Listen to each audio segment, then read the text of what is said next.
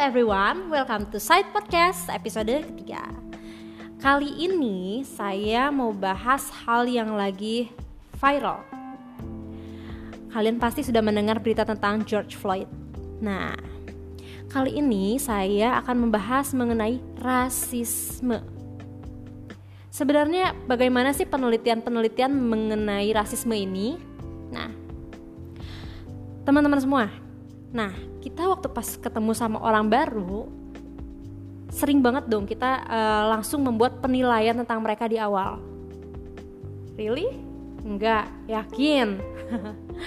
Pasti pernah lah ya. Jadi ketika kita bertemu orang, ternyata otak kita tuh akan membuat penilaian tentang mereka.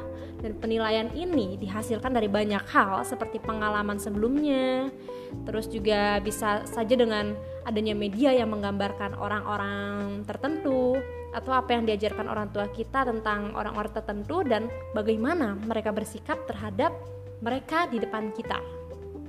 Well, tentu saja kita dapat dengan sengaja dong mengelak terhadap penilaian ini dengan mm, memanfaatkan lobus frontal. Sayangnya, menghapus asumsi secara konsis ini tidak menjamin loh bakal menghilangkan hal-hal yang unconscious. Well, meskipun kita percaya bahwa kita tuh bisa mengendalikan pikiran dan tindakan kita, tapi guys, penelitian ini ternyata menunjukkan hal yang sebaliknya. Terdapat dua sistem, jaringan otak yang logis dan refleksif. Yang logis membutuhkan waktu dan energi, sedangkan yang refleksif itu tidak. Karena lebih mudah ya menggunakan refleksif, kita kan kebanyakan menggunakan autopilot. Nah, konsekuensi dari hal itu dapat menyebabkan masalah sosial yang merusak seperti misalnya rasisme tadi dan juga prasangka. Hmm, di garis depan dilema ini kan ada konflik antara Amerika, Afrika, Afrika Amerika yang tinggal di Amerika atau Eropa.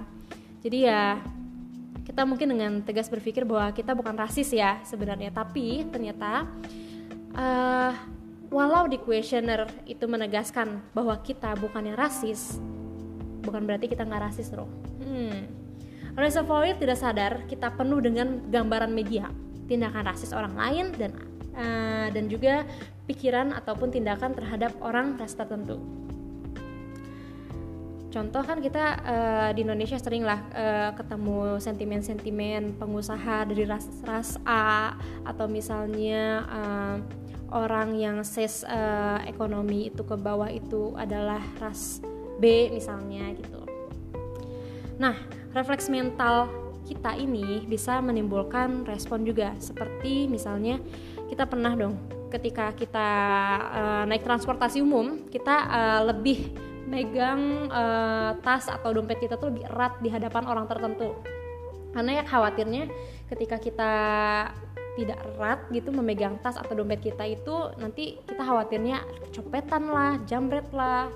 Atau misalnya kita lagi jalan ke tempat tertentu dan itu sepi ada orang yang uh, kita asumsikan akan berbuat jahat. Nah itu ada ada refleksnya sendiri gitu. Kita jadi kayak eh, nggak uh, mau jalan ke jalan tersebut atau kita mencoba untuk berlari. Nah pada kasus di Amerika asumsi seperti ini tuh telah banyak membunuh orang kulit hitam misalnya yang kejadian sebelum-sebelumnya ada Trevor Martin yang remaja Afrika Amerika yang ditembak mati di Florida oleh Zimmerman dan ada banyak penelitian juga nih yang mengintip proses otak kita yang tidak sadar sambil melihat wajah-wajah orang berkulit hitam. Nah, dalam satu studi, para peneliti mempresentasikan wajah orang kulit hitam dan kulit putih pada peserta kulit hitam dan kulit putih yang diidentifikasikan sendiri. Nah, yang pertama, mereka melaporkan bahwa adanya differential amygdala activation terhadap wajah hitam dan putih. Nah, penting sih untuk dicatat bahwa para peneliti tidak mengatur ya penelitian ini untuk memeriksa uh, bias rasial Lalu ada juga studi lain yang melihat secara khusus perbedaan antara bias rasial dan implisit amigdala. Menariknya, eh, amigdala berkorelasi dengan implisit, tetapi tidak dengan tindakan yang eksplisit sikap-sikap rasial gitu loh. itulah sebabnya kita mungkin uh, gak tahu kalau kita sendiri mungkin rasis sebenarnya karena secara nggak langsung kan kita juga ada hal-hal yang keluar ketika tindakan tindakan-tindakan yang keluar ketika kita melihat seseorang dengan tampilan tertentu atau ras tertentu misalnya. Ya dengan kata lain ya uh, para peserta dengan sikap rasial yang negatif atau paling implisit terhadap orang kulit hitam menunjukkan perbedaan terbesar dalam activation amygdala activation activation.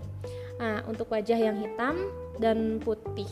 Nah ini pakai alat tesnya namanya implicit association test okay. dan juga selain itu ya guys ada tren ke arah uh, mat ke arah mata misalnya kita uh, melihat uh, ras tertentu kita lebih uh, seperti kaget gitu melihat uh, ras tertentu pada penelitian ini gini jadi uh, ada uh, lebih ke kekejutan mata yang lebih besar ya ketika melihat uh, orang dengan kulit hitam dibandingkan dengan orang yang berkulit putih. Bahkan ketika wajah hitam dan putih disajikan pada peserta dengan menggunakan MRI, amigdala ini bereaksi uh, masih bereaksi berlebihan terhadap wajah yang uh, berkulit hitam yang tidak secara sadar diketahui. tapi ya kita suka lah kita uh, kita kan suka sama Halle Berry atau misalnya Chris Rock atau uh, Whitney Houston misalnya nah guys ternyata bias rasial ini dipadamkan untuk orang kulit hitam yang terkenal Who doesn't love Halle Berry, Chris Rock, Whitney Houston? Nah, ketika wajah putih dan hitam yang terkenal digunakan dalam penelitian fMRI ini, bias amigdala menghilang. Dalam penelitian tadi saya jelaskan yang uh, kedua ya. Jadi studi-studi neuroimaging ini dan banyak lainnya yang sangat menyerahkan bahwa the brain code yang menandakan uh, adanya ancaman secara otomatis diaktifkan dengan bertemu orang-orang yang memiliki ras-ras tertentu atau berpenampilan tertentu amigdala dan area uh, otak terkait uh, ancaman lainnya itu memiliki peran khusus loh dalam melindungi kita terhadap bahaya dan juga membuat uh, ya keputusan sepermili detik lah. Cepet ya. Nah itu refleks jadinya. Dengan demikian sih keputusan sepersekian detik ini seperti kan uh, yang terjadi di Amerika misalnya sen, uh, menembakkan senjata ke seseorang misalnya ke pria kulit hitam yang tidak dikenal ya bisa jadi sangat mungkin guys gitu loh. Nah penelitian ini bisa kalian cari. Ini adalah penelitian miliknya Hart, Wellen and Sin pada tahun 2000 yaitu judulnya Differential Response in the Human Amygdala to Racial Outgrowth versus In-Growth Phase Stimuli dari Neuro, Report. Nah, lalu yang kedua juga ini ada penelitiannya dari Peltz, uh, O'Connor sama Cunningham itu tentang performance on indirect measures of uh, race evaluation evaluation predict amygdala activation pada tahun 2000 juga dari neuroscience lalu ada Cunningham dan Johnson tentang uh, separable neural components in the processing of black and white faces cycle dari uh, tahun 2004 dari Psychology Science. Nah, kalian bisa cari itu di uh, referensinya di jurnal-jurnal seperti PubMed misalnya atau source jurnal lainnya bisa kalian cari di, misalnya lebih gampang sih di Google Scholar lah ya. Jadi teman-teman bisa baca selengkapnya mengenai penelitian ini. See you on the next episode. Bye bye